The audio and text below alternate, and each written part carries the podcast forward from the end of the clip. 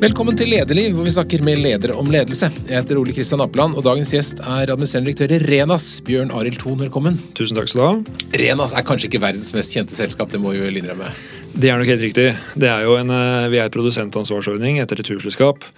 Og vi er en B2B-løsning, en tjenesteleverandør. Mhm. Så eh, folk flest har nok ikke hørt om oss. Så jeg tenkte dette skulle handle litt om akkurat det om produsentansvar, for det, for Ja. det må man jo da forstå for å forstå deg. Ja, eh, jeg vil si, Det er ikke så mange som har hørt om oss, men eh, veldig mange bruker de tjenestene som vi leverer, hvis vi kan si det sånn. Det blir det samme som eh, hvis du leverer panteflasker i maskinen på butikken. Så er det jo ikke butikken som eier og står bak det, det er jo et annet system som Infinitum driver.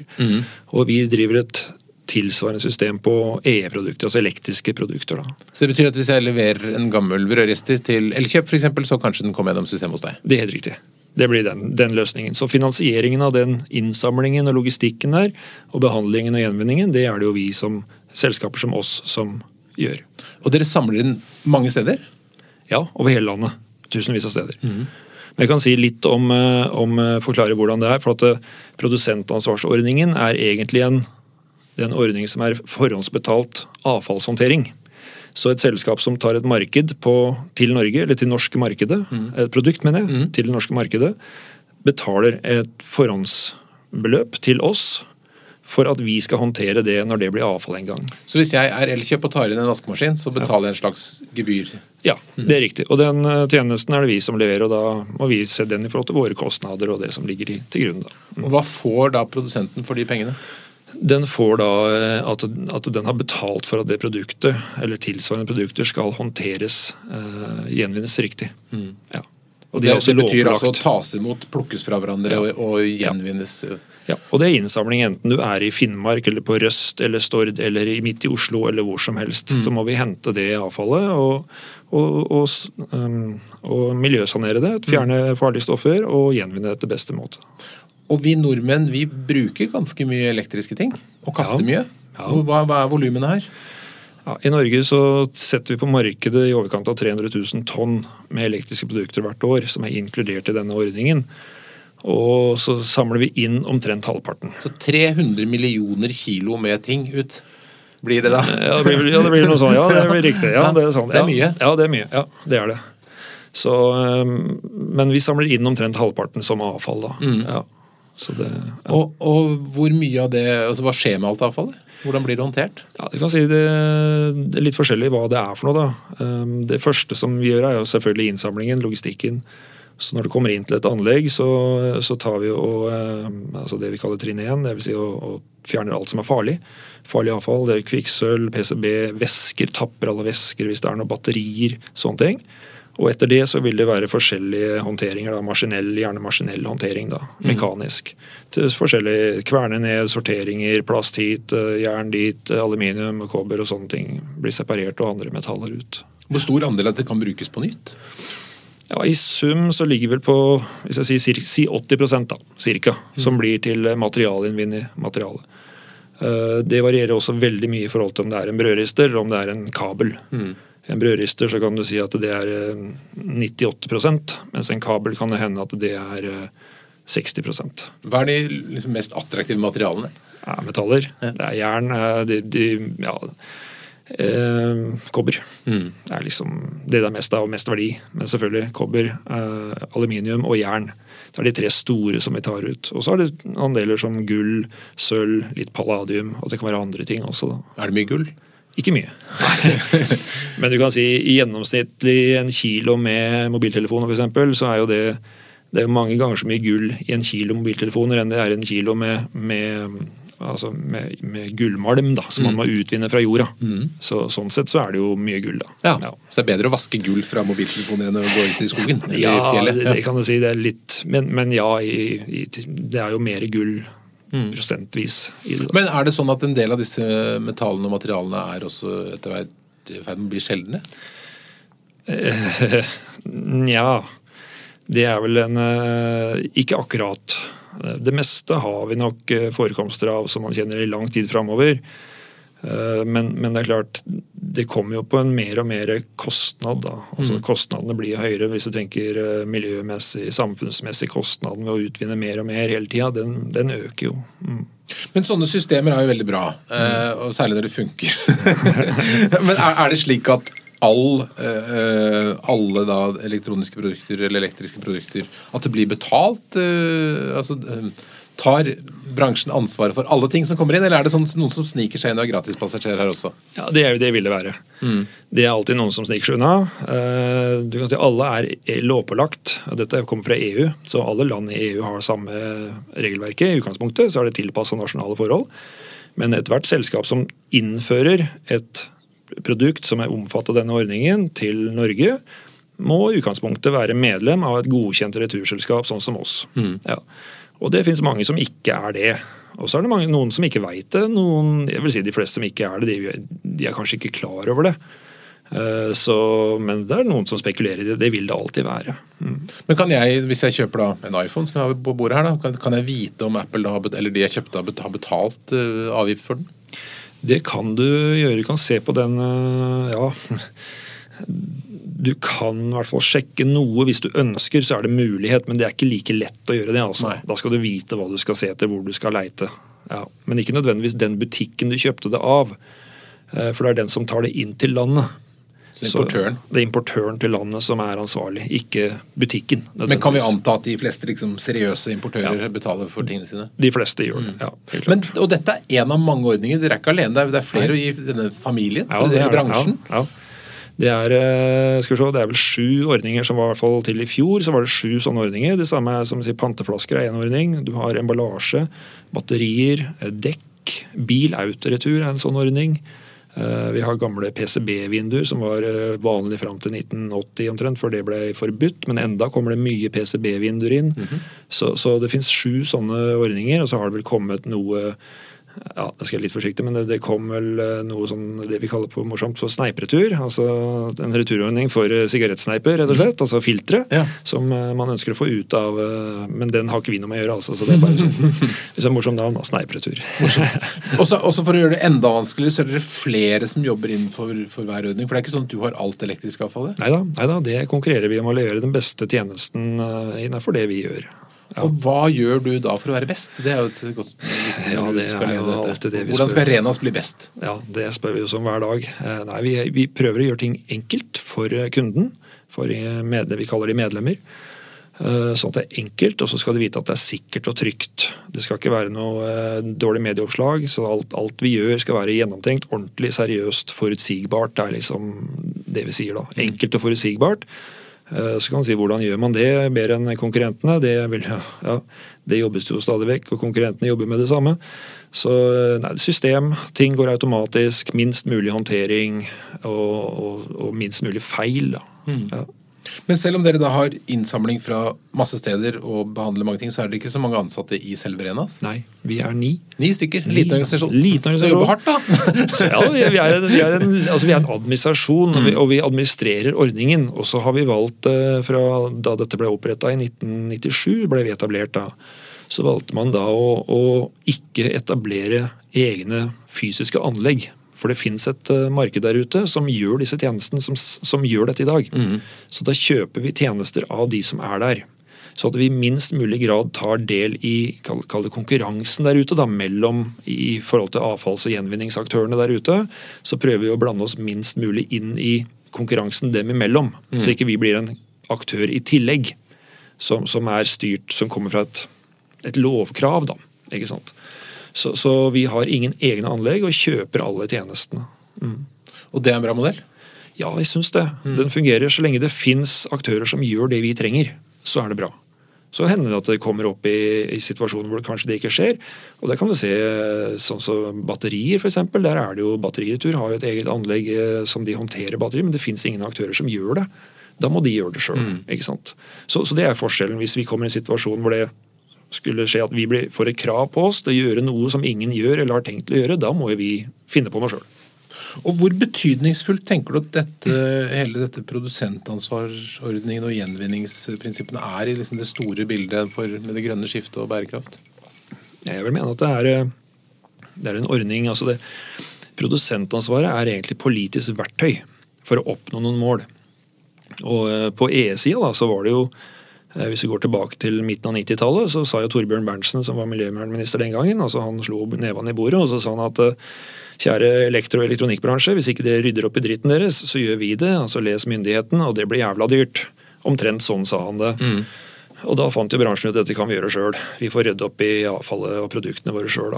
Så du er et barn av, av, bransjen din? Ja, det kan du si. Og vi er jo eid av Norsk Industri og Elektroforeningen, som er bransjeorganisasjoner, for å ivareta eh, det ansvaret som ligger da, på importøren av dette her. Da. Så jobben din er ikke å tjene penger, det er bare å få dette til å funke? Vi skal ikke tjene penger. Er, eh, altså vi er såkalt non-profit, fordi at er, eierne våre kan ikke ta et utbytte. Det er VTX-festa. Da har vi fått skattefritak og er da non-profit per definisjon. da. Mm. Så hvis vi går med overskudd, altså, så ja, over tid skal vi gå over null. da. Så det vi tjener eventuelt, det går tilbake til, eh, til ordningen for å gjøre det billigere og bedre for medlemmene våre. Mm. ikke sant? Men hvor forutsigbart er det for deg? Du, du vet jo ikke hvor mye som kommer inn neste år. mye dere må kjøre og flytte og plukke fra hverandre. Ja, nei, Det er riktig, men, men er, eh, vi har jo nå god statistikk. Så, så vi ser jo det fra år til år så endrer det seg litt, men, men, da har vi buffer, så vi kan leve av det. Hvis det går opp eller ned, så, så lever vi over det. Mm. Så Vi har god historikk på tallene våre. Ja. Men de som følger litt med på sirkulærøkonomi, sånne ting, har jo hørt begrepet design for gjenvinning. At man kan gjøre en ting ja.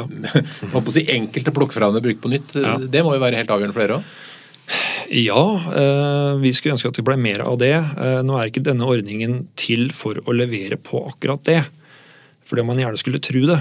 Men det vil si at en, en eh, produsent av iPhone eller en brødrister så, så, så, Hvis vi har eh, et eller annet merke, så mm. er det ikke det merket vi skal plukke inn igjen. Men det er tilsvarende produkt. Mm. Så vi veit ikke om en produsent har gjort noe for å gjøre det produktet mer kall det gjenvinnbart. Det er enklere å håndtere. Og så må jeg også forstå at dette er også prosess, eh, prosessindustri. Det er ingen som ser på et produkt og sier ja, det var den leverandøren, da må vi trykke på de to knappene og skru den skruen, så er det veldig bra. Og, den, mm. og der kom den, og der var Nei, det går i samme. altså Det er prosess, og det er optimalisering av prosessen. da. Så, men i sum så er det utrolig viktig det å ha å designe ut øh, komp, altså, hva skal jeg si, altså, Desto færre materialer i et produkt, desto bedre er det. da. Mm. Kall det det. Men er det da slik at dere tar mindre betalt for liksom, produkter som er enkle å plukke fra hverandre, og mer for de som er vanskelig å inneholde mye rart? Ja, men ikke av samme produktkategori. Eh, så gjør vi ikke det. Men du kan si noen, det er mer verdi og enklere å håndtere Kall det, kall det varmeovner, da. Mm. Eh, F.eks. Ja, varmeovn som henger på veggen, enn en oljefylt varmeovn. Så det er vel en oljefylt varmeovn som står på gulvet. Den vil ha en høyere kost enn en varmeovn du henger på veggen som stort sett er bare blekk og, og aluminium. ikke sant? Det er litt morsomt, for det er sånn som du kan alt om, men som de færreste, de færreste kan noe særlig om. Det er gøy å titte inn det.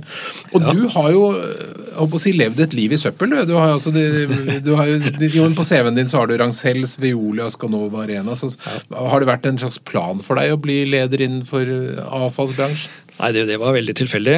Eh, det var det. Så, men eh, komme inn i denne bransjen, og da man sier det at hvis du først kommer inn i denne bransjen, så blir du der. Og det, det er faktisk ikke helt tull, altså, for det er uh, utrolig spennende. Det skjer så mye. Og uh, Som det gjør i mange bransjer, men her er det altså Det, det er høy action. altså. Actionfaktoren er ganske høy, sånn som jeg opplever det i hvert fall. Hva er, det, så, hva er det som motiverer deg med det? Det begynte altså, da, jeg begynte for snart 20 år siden, så var det jo da var det, det mulig å finne gode dealer. Altså Man var ikke klar over det, hva man hadde. og så Med litt kunnskap og litt flaks noen ganger, så får man en ting som du kanskje fikk betalt for å ta imot, kunne du, hadde egentlig en stor positiv verdi. Sånn er det ikke så mye lenger. Eh, men nå er det jo å finne hva kan vi gjøre, da, som vi jobber mye med. Eh, som sier, vi, vi gjenvinner kanskje et sted mellom fem og ti eh, mineraler og metaller i stort.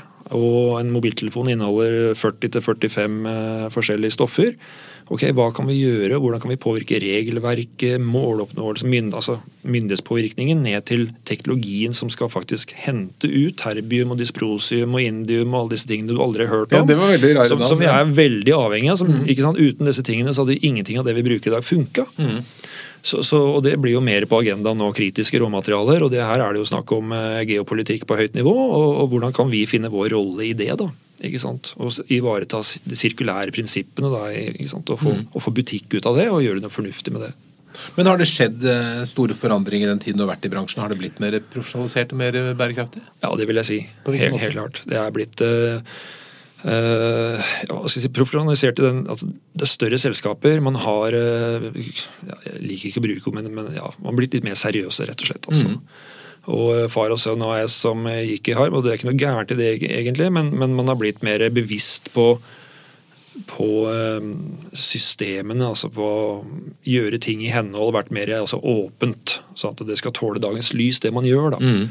Og, og, uten noe feil for øvrig det, men, men hvis vi går 10-15 år tilbake, så typisk det vi, send, vi samla inn, så ville vi sende kanskje 70-80% av det til uh, Far East, gjerne Kina eller andre land for, mm. å, for gjenvinning. som Mange steder var det fullverdig på høyde med det vi gjør, men mange steder ikke. I hvert fall så mister man kontrollen.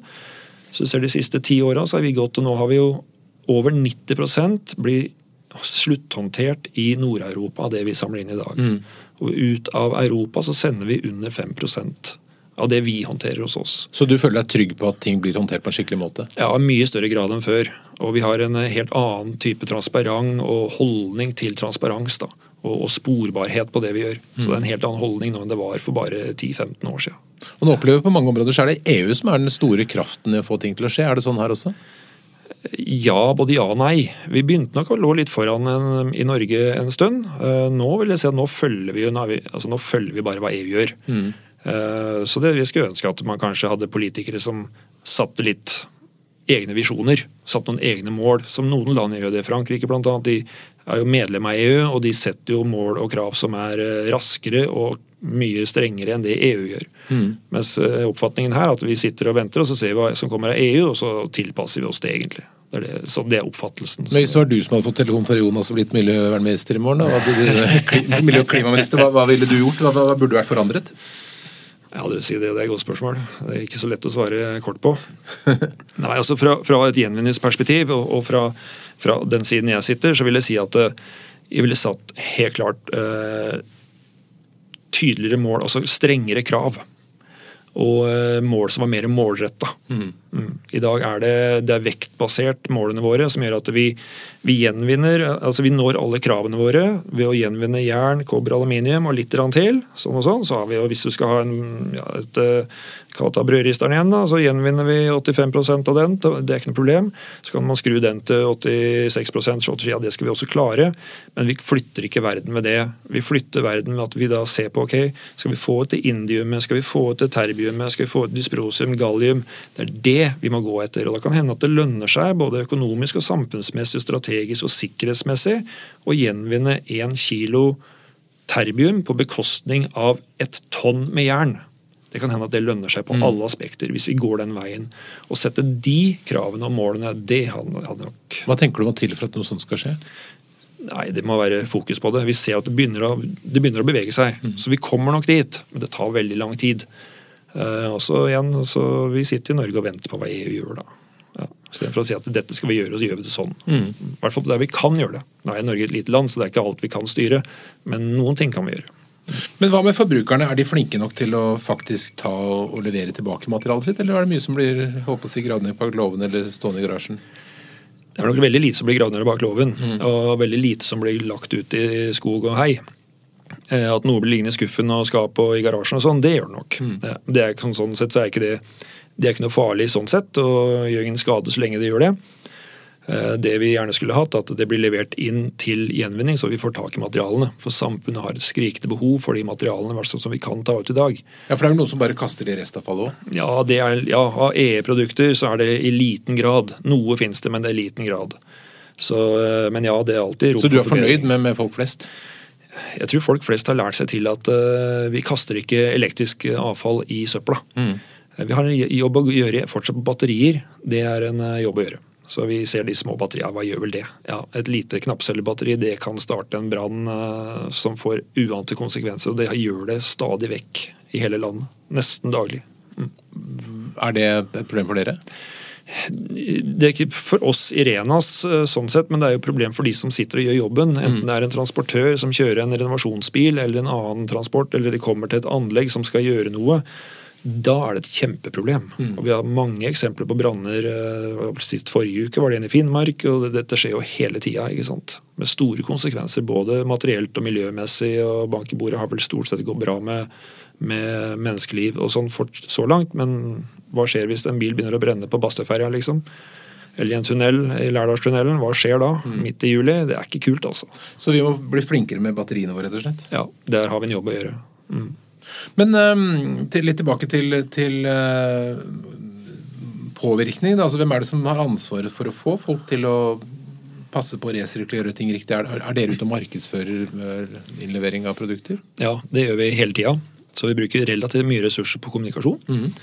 Eh, Vi er medstifter og, partner av Loop, som er en eh, stiftelse som, eh, som, har, eneste, som har formål å, å, å fortelle om og kommunisere om hvordan du skal sortere, hva, hvordan du skal håndtere avfall, hvor du skal levere det, hva som skal hvor osv.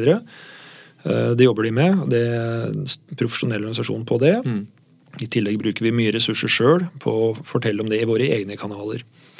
Eh, Til, til folk flest, også bedrifter, og, og også selvfølgelig da, til politikere og byråkrater som oppover i systemet. Da. Men grovt sett er det sånn at man kan levere alle steder hvor sånne ting selges, er det ikke det? Ja.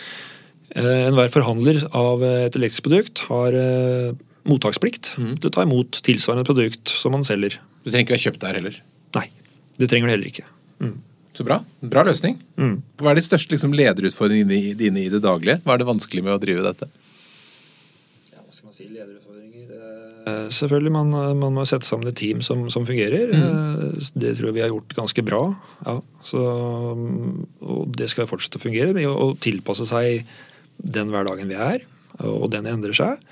Ellers er det jo det markedet vi er i, å få det til å fungere. eh, Både på mikronivå og også på større makronivå. Så, så det er, akkurat nå vil jeg si den største utfordringen vår er rett og slett vi ønsker mer enn det rammene våre kanskje tillater. Mm. Det er en stor utfordring for oss. For Så det betyr ser- at du må jobbe med politisk påvirkning? Ja, mye med det. Er det noen som lytter på deg, da? Ja, det er jo det. Jeg vil jo si det. Vi, vi får jo ganske godt gehør mange steder. Gjør det, altså. Så, så vi ser det flytter seg, det gjør det. Det kommer igjen Ja, man tar inn det vi sier, og Men det er klart, det lange prosesser tar tid. Vi er jo utålmodige. Vi ser dette her har vi snakka om lenge. La oss nå slutte å si det samme som vi snakka om for to år siden. Nå har vi vel kommet litt lenger. Så, så det, er en, det er en utfordring. Men når det er snakk om liksom, øh, å nå klimamål og grønne skift og sånn, så er det mye, mye, det er mye snakk om olje og jordbruk. Det er, det er få som snakker om akkurat øh, E-avfall, eksempel. Ja, altså, det, det, er ikke, høyt på agendaen. Nei, da. nei, du kan si det i det grønne skiftet, og det er en sånn som jeg synes er eh, hva skal jeg si, en av mine greier. Vi snakker mye om energiomstillingen, og det, det er viktig, det, for all del. Eh, Men det er ingen som steller. Det er veldig få som snakker om det grunnleggende problemet. Og det er jo oss som konsumenter. Det er det få som snakker om. Og man snakker om vekst. Vi må ha økonomisk vekst hele tida. Det betyr per, per i dag vi har ennå ikke greid å koble fra uh, vekst uten bruk av ressurser. Og da betyr det at vi skal bruke mer, så får vi opprettholde veksten. Ja, Det veit alle, eller de fleste av oss begynner å skjønne at det er ikke, det er ikke bærekraftig over tid. Men vi snakker fortsatt lite om det. For hvis vi bruker mindre, så betyr det ikke, da er det ikke vekst. Ikke sant? Men dette er vel litt sånn bann i kirken for deg, for dine kunder er jo folk som pusher Ja. forbruk mer og mer. Absolutt. Mange gjør det. Men jeg tror flere og flere ønsker altså, hva heter det, altså, ansvarlig forbruk. da. Eh, Og vi ser mange bedrifter gjør veldig mye. eh, Mye, enn de, mye mer enn det de må gjøre.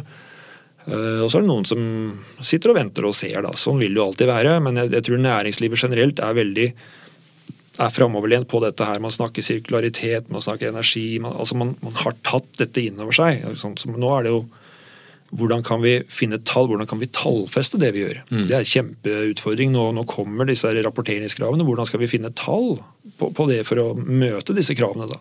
Så det er en stor utfordring som, som vi ser nå. Mm.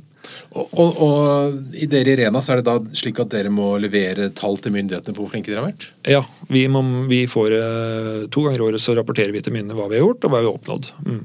Så, så det er vi nødt for å gjøre.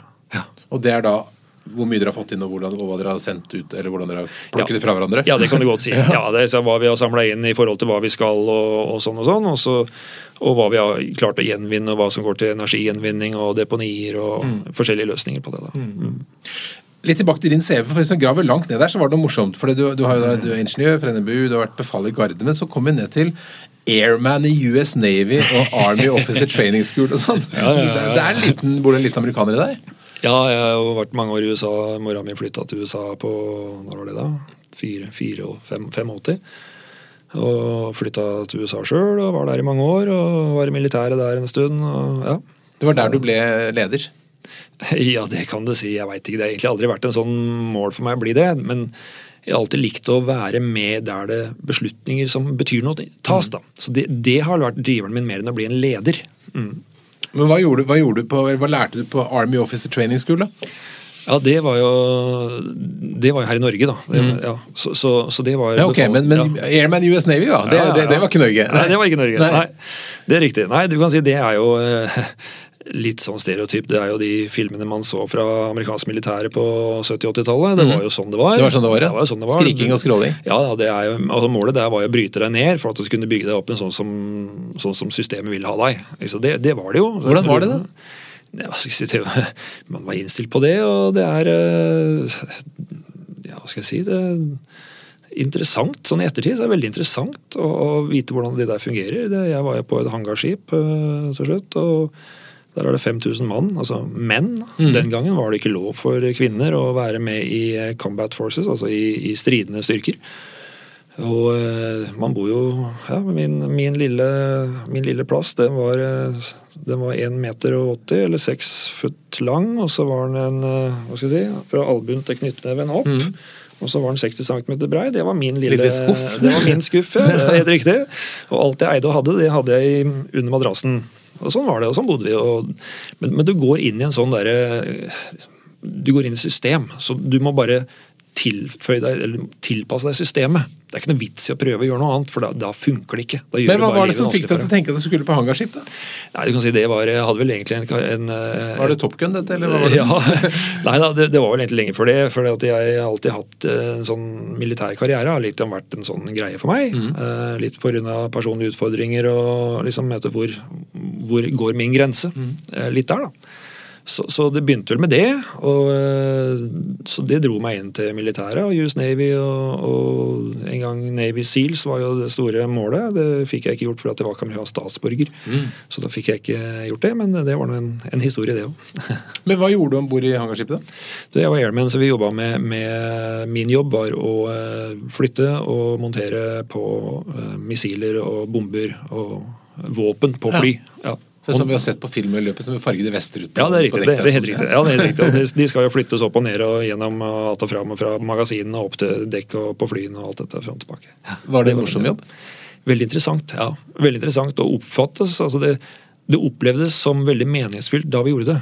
Eh, vi seila i Middelhavet. Det var jo Den gangen så var det jo eh, eh, I Libanon var det jo en sånn gisseldrama, så vi var jo der under dette var vel i 89 tilbake. Eh, så det var veldig oppfattet som veldig meningsfylt, da. eh, Det vi gjorde. Sånn som vi opplevde det, i hvert fall. Mm. Og nå har jo amerikanerne sendt eh, hangarskip til utenfor Gaza nå. Ja, vi var jo der da også. Mm. Var det, jeg holdt på å si, Er din båt i fart fortsatt, eller? Nei, den er tatt ut av kommisjonen. Mm. Så den, eh, den er ikke i drift lenger. Men hvordan påvirket den opplevelsen din, ditt videre lederliv? Har du prøvd å leve som du gjorde på dekket av hangarskipet? hva skal jeg si, Man må inn i et slags system. Så Man må jo fungere i eh, en gruppe eller et system. da. Og det må vi jo som mennesker. så er Vi jo, vi er jo flokkdyr, og man tilpasser seg et system. og så og så er det å få det til å fungere best mulig. Hvordan får man det til i forhold til de målene man ønsker å oppnå? da? Uh, og da er det å finne folk som passer til de rollene man, man skal ha, og, og at man også får mulighet til å blomstre eh, i det. da. Så, så, så om det har Jeg vet ikke om de har eh, Det er vanskelig å si. Jeg kan ikke svare sånn kjapt på det. Men, men, men metaforen der på et sånt uh, militærorganisasjon blir veldig sånn maskin, at alle har hver sin rolle, det er veldig tydelig definerte brikker i et uh, spill. Er det, Ja. er det, holdt på å si, er det slik i Renas også? Nei, ja, ja alle, De fleste har nok sine roller. Eh, du kan si Det som er kanskje min opplevelse, da, for jeg har vært i militæret noen år, er jo det at det er lettere å hva skal jeg si, Der er rollen sånn, ferdig snakka. Der er man, fordi om det også begynner å bli i hvert fall, Man er ikke sjef i så stor grad nå som det vi var for 30 år sant? Så nå er man mer leder også i militære roller. Så lederrollen sånn sett, er, den, den er nok ganske blitt mye vanskelig, vil jeg tro. For at man kan ikke bare si det som sier til ungene. altså, Hvorfor er det sånn? da? Jo, for at jeg sier det. Så bare gjør det sånn, ferdig. Ikke sant? Det fungerer ikke lenger. Eh, også i det militære, ut fra det jeg hører. da. Jeg har en sønn som er befal i militæret. så jeg hører det. Ja, ja, ja. ja, for I din tid så var det ikke rom for så mye diskusjoner du fikk noen ordre? Nei, ikke så mye. Det begynte, å, det begynte liksom å, å brytes opp. Man kvoterte inn og damer inn og litt sånn og sånn, men, men, men i stort så var det nok mye av det i hvert fall det jeg opplevde. da. Litt av den gamle metoden. da. Hva var det som fikk deg til å gå i land? Tenk at det ikke var noe for deg? Nei, det var, det var egentlig det at jeg eh, opplevde at militæret svarte egentlig ikke ut på det jeg hadde lyst til. Det var ikke den rollen jeg hadde lyst til Mm. lenger, da. Så, så da tenkte jeg at nei, vi får prøve å gjøre noe annet. Mm, Ja. Kort, kort sagt på det. Og så ble det altså. avfall. Da blei det avfall. Jeg kan nevne tilbake til min, da jeg var på, på, på sjøen. Da, så var det jo, som jeg har sagt mange ganger før, vi, to ganger i uka så gikk vi bak på akterdekket og kasta all søpla på sjøen. ja. Og Det var fat med fett og oljer, eller om det var søppelposer og alt. og Det lå der så langt øyet kunne se bakover, i kilometervis. Og når vi skulle ha det ekstra morsomt, så monterte vi tålsjund bakpå rælingen, og så skøyt vi på det ja, som vi traff det, da. Ja. Og det gjorde vi to dager i uka, og tenkte ikke det var helt normalt. Og det, i dag er det bare Er det mulig? Ikke sant? Så det har skjedd noe da, positivt, Ja, egentlig? virkelig. altså. Virkelig. Jeg kan ikke tro det er mange som gjør det i dag, altså.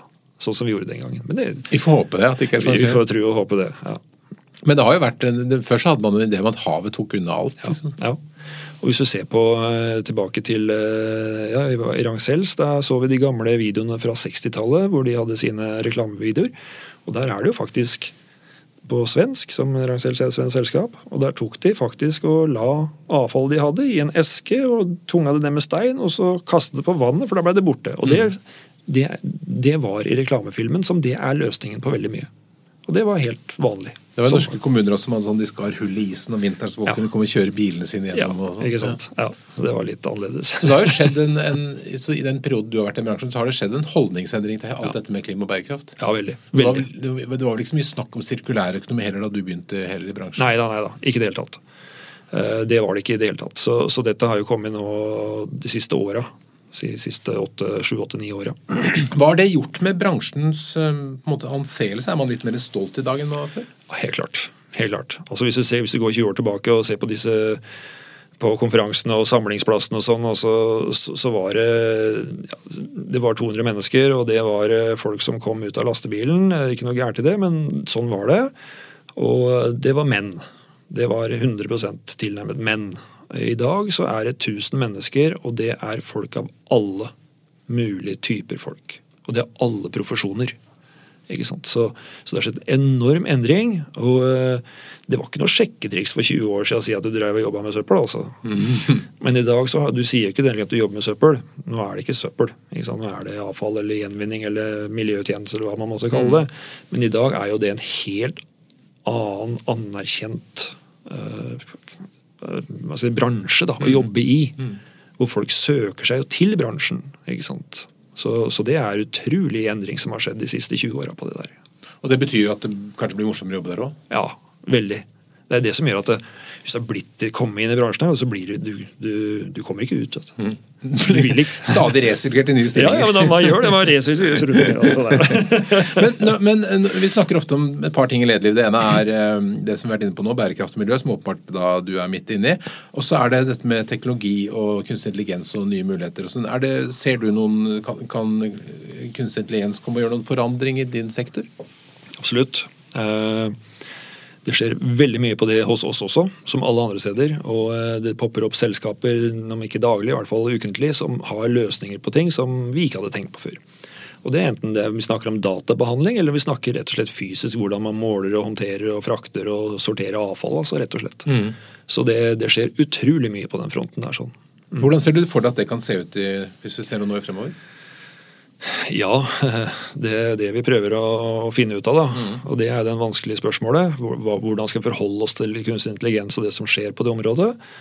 Eh, Jeg tror vi bare være åpen og, og, og, være litt nysgjerrig på det. Og så må kanskje ikke være first mover bestandig, men eh, se hva som Ja, man må i hvert fall nysgjerrig. Mm. Men hvordan det ser ut for oss Jeg tror vi kommer til å få en mye mer automatisert altså Man trenger mennesker, man trenger hender, men man får mye mer data uh, som gir oss riktig og god informasjon. Mm. Som gjør at vi kan kjøre mindre, vi kan håndtere mindre, vi kan gjøre mindre av mer, da, hvis det ga mening. Mm, mm, mm. ja. ja. Utnytte ressursene bedre. Mye bedre, ja.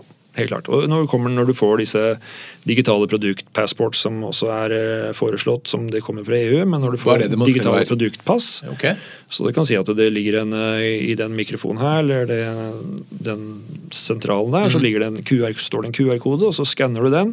Så får du produsent, du får hva den inneholder, du får alle disse dataene i produktet, som gjør at du kan spore produktet hele veien fra, fra cradle to cradle da, mm. på en helt annen måte. Og det vil ha ganske mye impact hos oss. For Da kan vi, da kan vi virkelig begynne å snakke om ressursutnyttelse og sporbarhet og på, på, alle mulige områder. Mm. Mm.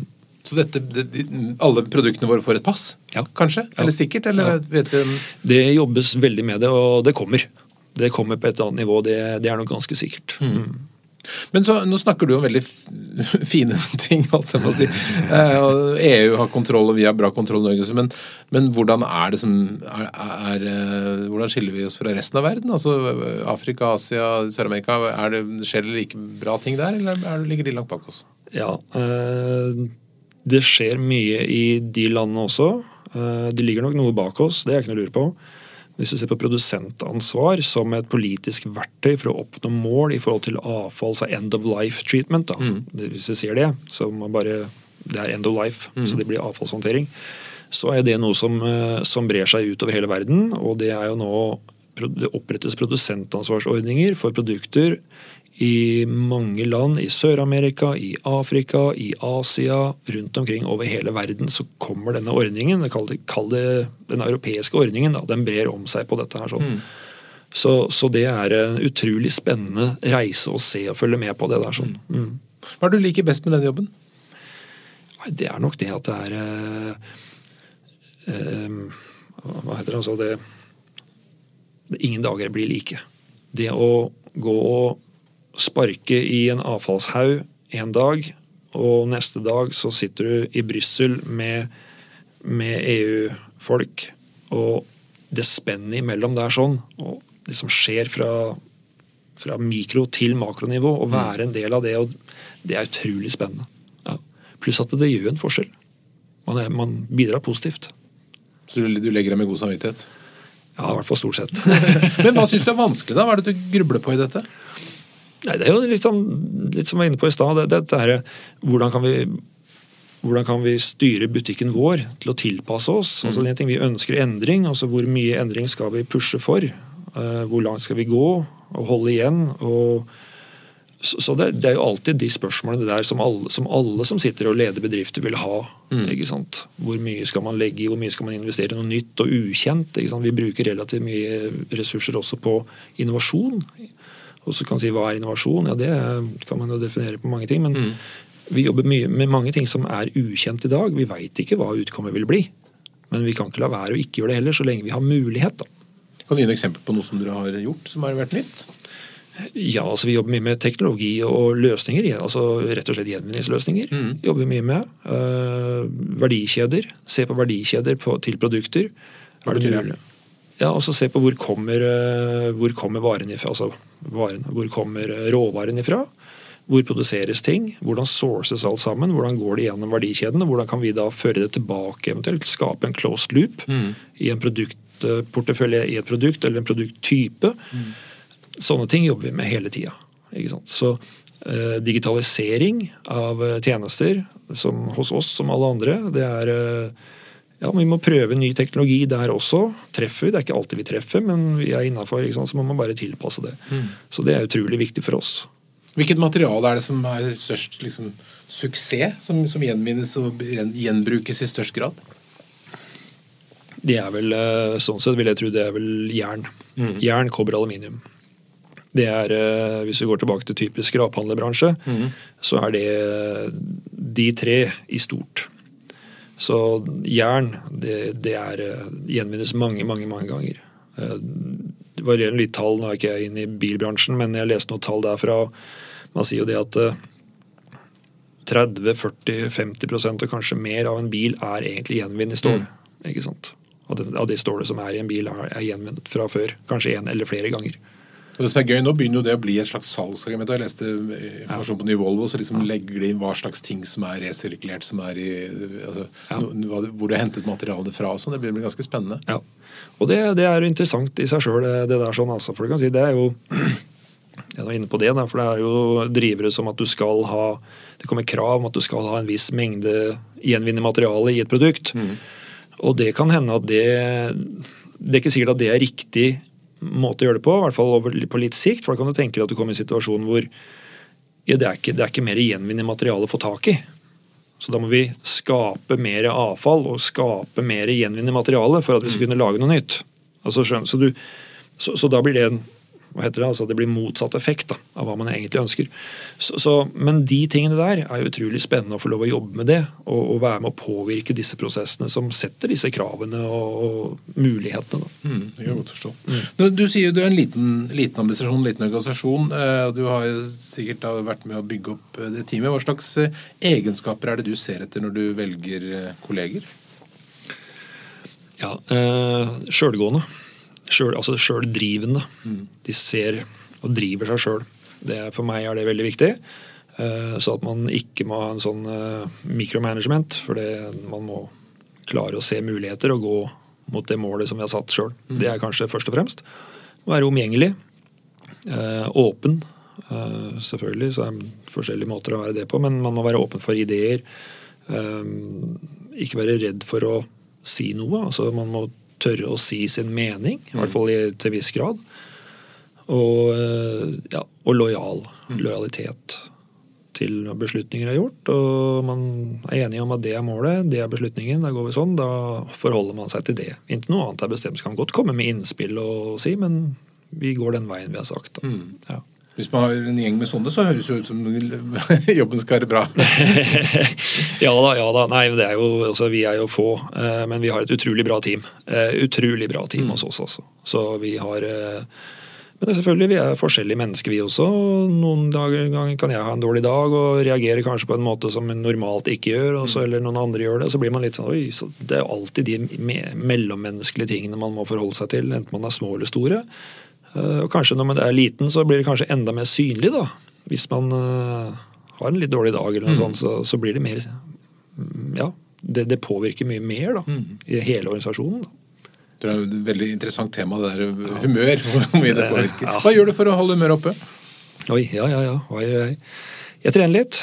Jeg prøver å trene Ja. Eh, Jeg går på jakt. Jakter, ivrig jeger. Spiller. Driver med musikk. Ja. Jeg er jo gitarist og ja, på si. Spiller du for de ansatte noen gang? Jeg har vel gjort det kanskje i et lystig lag. Nei da, jeg spiller jo en del. og Ja, så det er liksom musikk, jakt, fisk. Jeg syns det er gøy. I det hele tatt hjemme. Jeg syns det er deilig å være hjemme eller på hytta. rett og slett. Og bare, Jeg synes det er gøy å starte liksom uka med en liten sånn trudelutt på gitaren. Ja, ja, det det en. Hvis det kommer en ung person til deg, Bjørn Arild, og har, vil være leder, hva er de tre viktigste lederrådene du vil gi? Hvordan er man en god leder? Hvordan er en god leder? Ja. eh, Jeg tror det er viktig da å se etter potensialet, se etter ressursen i den personen. Og se etter hvor er det den personen kan skinne. Eh, Det er ikke bestandig like lett. Men eh, å kanskje prøve å ikke pushe på noe hvor den personen absolutt ikke er. Så lete etter potensialet som finnes i en person. Ja, og eh, jeg tenker at min rolle som, som leder er jo å få, få teamet, men da også den enkelte, til å skinne mest mulig. Og ha det mest mulig gøy på jobb, og levere på det man liker å gjøre. Hvis jeg får til det, da har jeg gjort en god jobb. Så det var råd nummer én. Se etter potensialet i personen. Hva er de to neste? At man er fleksibel. Ja, fleksibilitet uh, syns jeg er utrolig viktig, både i, eh, ja, i mening og at man ikke, ikke er fastlåst uh, i en slags religiøs tilnærming til enkelte ting. men at man, man kan godt være påståelig og, og, og sta og støbbel, men man må alltid være åpen for å høre på andre argumenter og, og åpen for å lære noe nytt. Det tror jeg er utrolig viktig. Du får en til. En til. ja, eh, at man, eh, at man eh, bidrar positivt. At man er blid. At man er positiv av natur. I hvert fall bidrar positivt til gruppa i, i det mellommenneskelige. Det tror jeg er veldig viktig. Gode råd. Bjørn Hoden, hjertelig takk for at du kom til Lederliv. Tusen takk for at du kom med.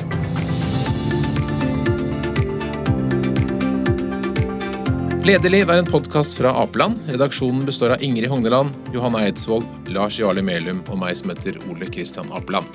Og du er hjertelig velkommen til å sende ros, ris, tips om ledere eller hva du måtte ønske til oleatapeland.no. Takk for at du lytter.